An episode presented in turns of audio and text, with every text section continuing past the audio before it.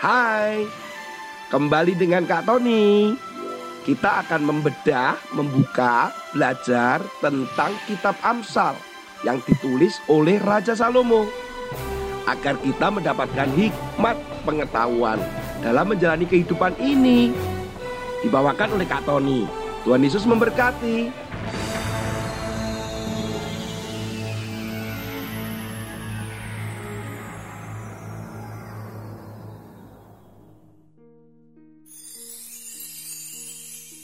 Eh, eh, eh, eh, eh, eh, eh, eh, Jangan buang sampah di situ. Aduh. Kan buang sampah bisa di tempatnya, jangan di situ. Eh, eh, eh, eh, eh, eh. Loh, masalahnya kenapa? Tak apa-apa. Mau buang sampah di mana saja terserah saya. Nanti juga diambil oleh tukang sampah. Jangan terlalu bersih-bersih lah Kak Tony. Eh, ini diberitahu kok. Ini sampah kalau menumpuk bisa menjadi sumber penyakit. Juga mengurangi keindahan di tempat ini gitu loh. Aduh. Oh, yang benar. Masa begitu? Ya, ya, ya, ya, ya, ya. ya. Kalau gitu sampahnya saya ambil. Maaf, maaf, maaf, Maya. Maaf Kak Tony. Nah gitu baru temannya Kak Tony tuh. Hei anak-anak. Ya kalian kalau buang sampah apakah di tempatnya atau buang sembarangan saja? Eh Kak Tony percaya kalian pasti membuangnya di tempatnya. Dan jangan lupa harus membuangnya ke tempat ke tempat sampah. Yes. Hari ini kita akan merenungkan firman Tuhan anak-anak. Tapi dimulai dengan membaca ayat dulu. Ah, biasanya kan ayatnya di belakang. Sekarang baca ayat dulu deh Kak Tony. Amsal pasal 11 ayat 10 sampai 11. Bila orang benar muncul, beria-rialah kota dan bila orang fasik binasa, gemuruhlah sorak-sorai.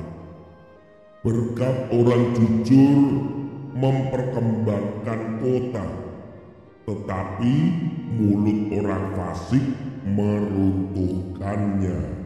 Bagaimana sebuah kota itu akan beria-ria, beria-ria itu akhirnya senang, berhasil, sejahtera begitu dan juga kota itu bisa berkembang. Ternyata firman Tuhan hari ini dikatakan bahwa kalau ada orang yang mujur, orang benar, semuanya selalu dikatakan ada orang benar.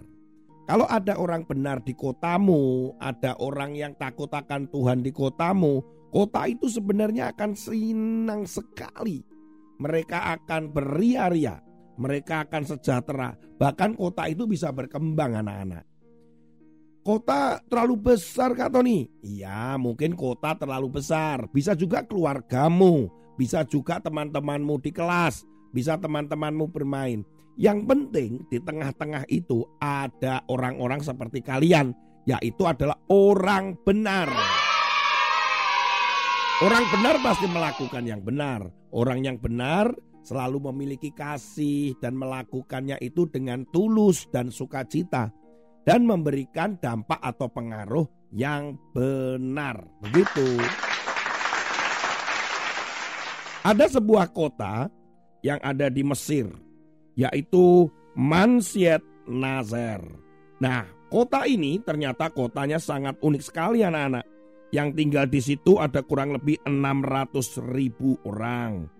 Ternyata kota ini didirikan ada banyak bangunan yang tidak berizin atau ilegal.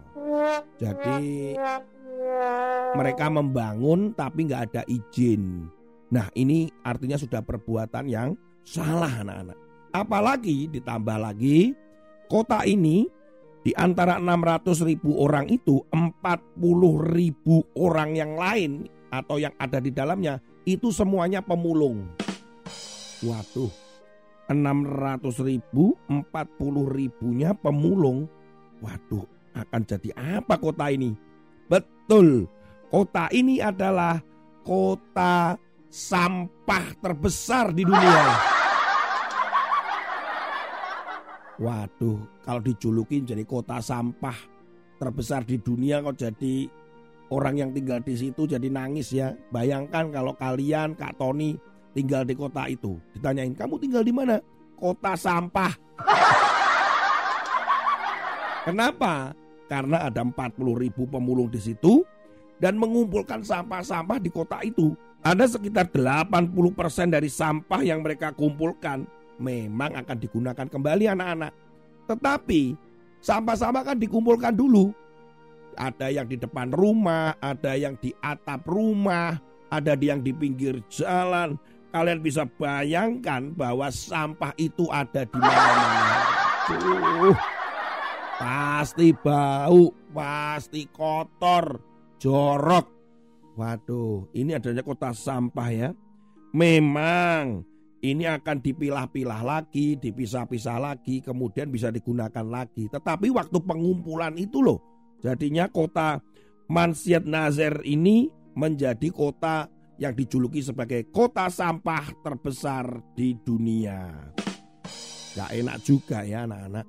Seandainya ada orang di situ, ada pemimpin di sana yang kemudian mengubah kota itu, mungkin mengubah sampah-sampah itu, kemudian bagaimana cara menyimpannya yang baik supaya bisa dipilah dengan baik dengan teknologi.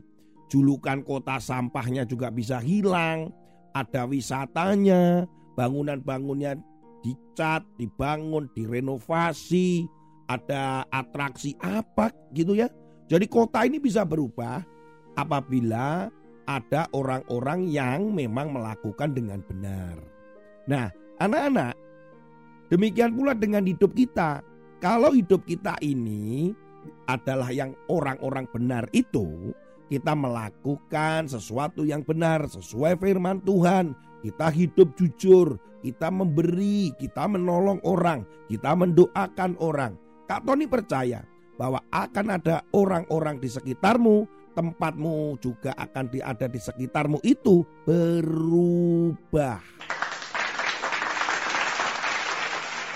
Mereka akan merasakan perubahan itu karena kehadiranmu, karena perilaku, dan karena Yesus yang ada di dalammu. Itu membuat berubah. Teman-temanmu jadi berubah karena kamu. Berubahnya adalah berubah yang baik. Itu. Kak Tony juga demikian.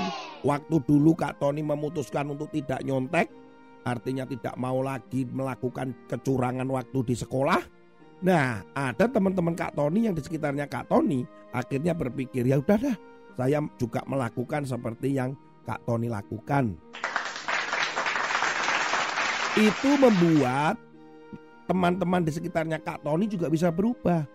Mungkin kita nggak bisa melakukan perubahan atau berdampak buat kota, tetapi bisa jadi hanya orang-orang di sekitar kita di tengah keluarga, di tengah-tengah temanmu, teman-teman bermain, di kelasmu, di desamu mungkin, atau di tempat les, atau di mana saja. Tetapi kalau memang Tuhan izinkan, Kak Tony percaya kalian juga bisa mempengaruhi kotamu. Kota yang disebut sebagai kota sampah bisa berubah menjadi kota bunga. Jadilah orang-orang yang benar anak-anak. Orang-orang yang benar-benar melakukan firman Tuhan. Jadilah orang yang jujur. Maka kota-kotamu akan tempatmu sekitarmu akan merasakannya. Ada perubahan, ada damai sejahtera dan ada sukacita. Tuhan Yesus memberkati sampai ketemu lagi kepada kalian semua. Kak Tony ucapkan tetap semangat. Haleluya. Shalom.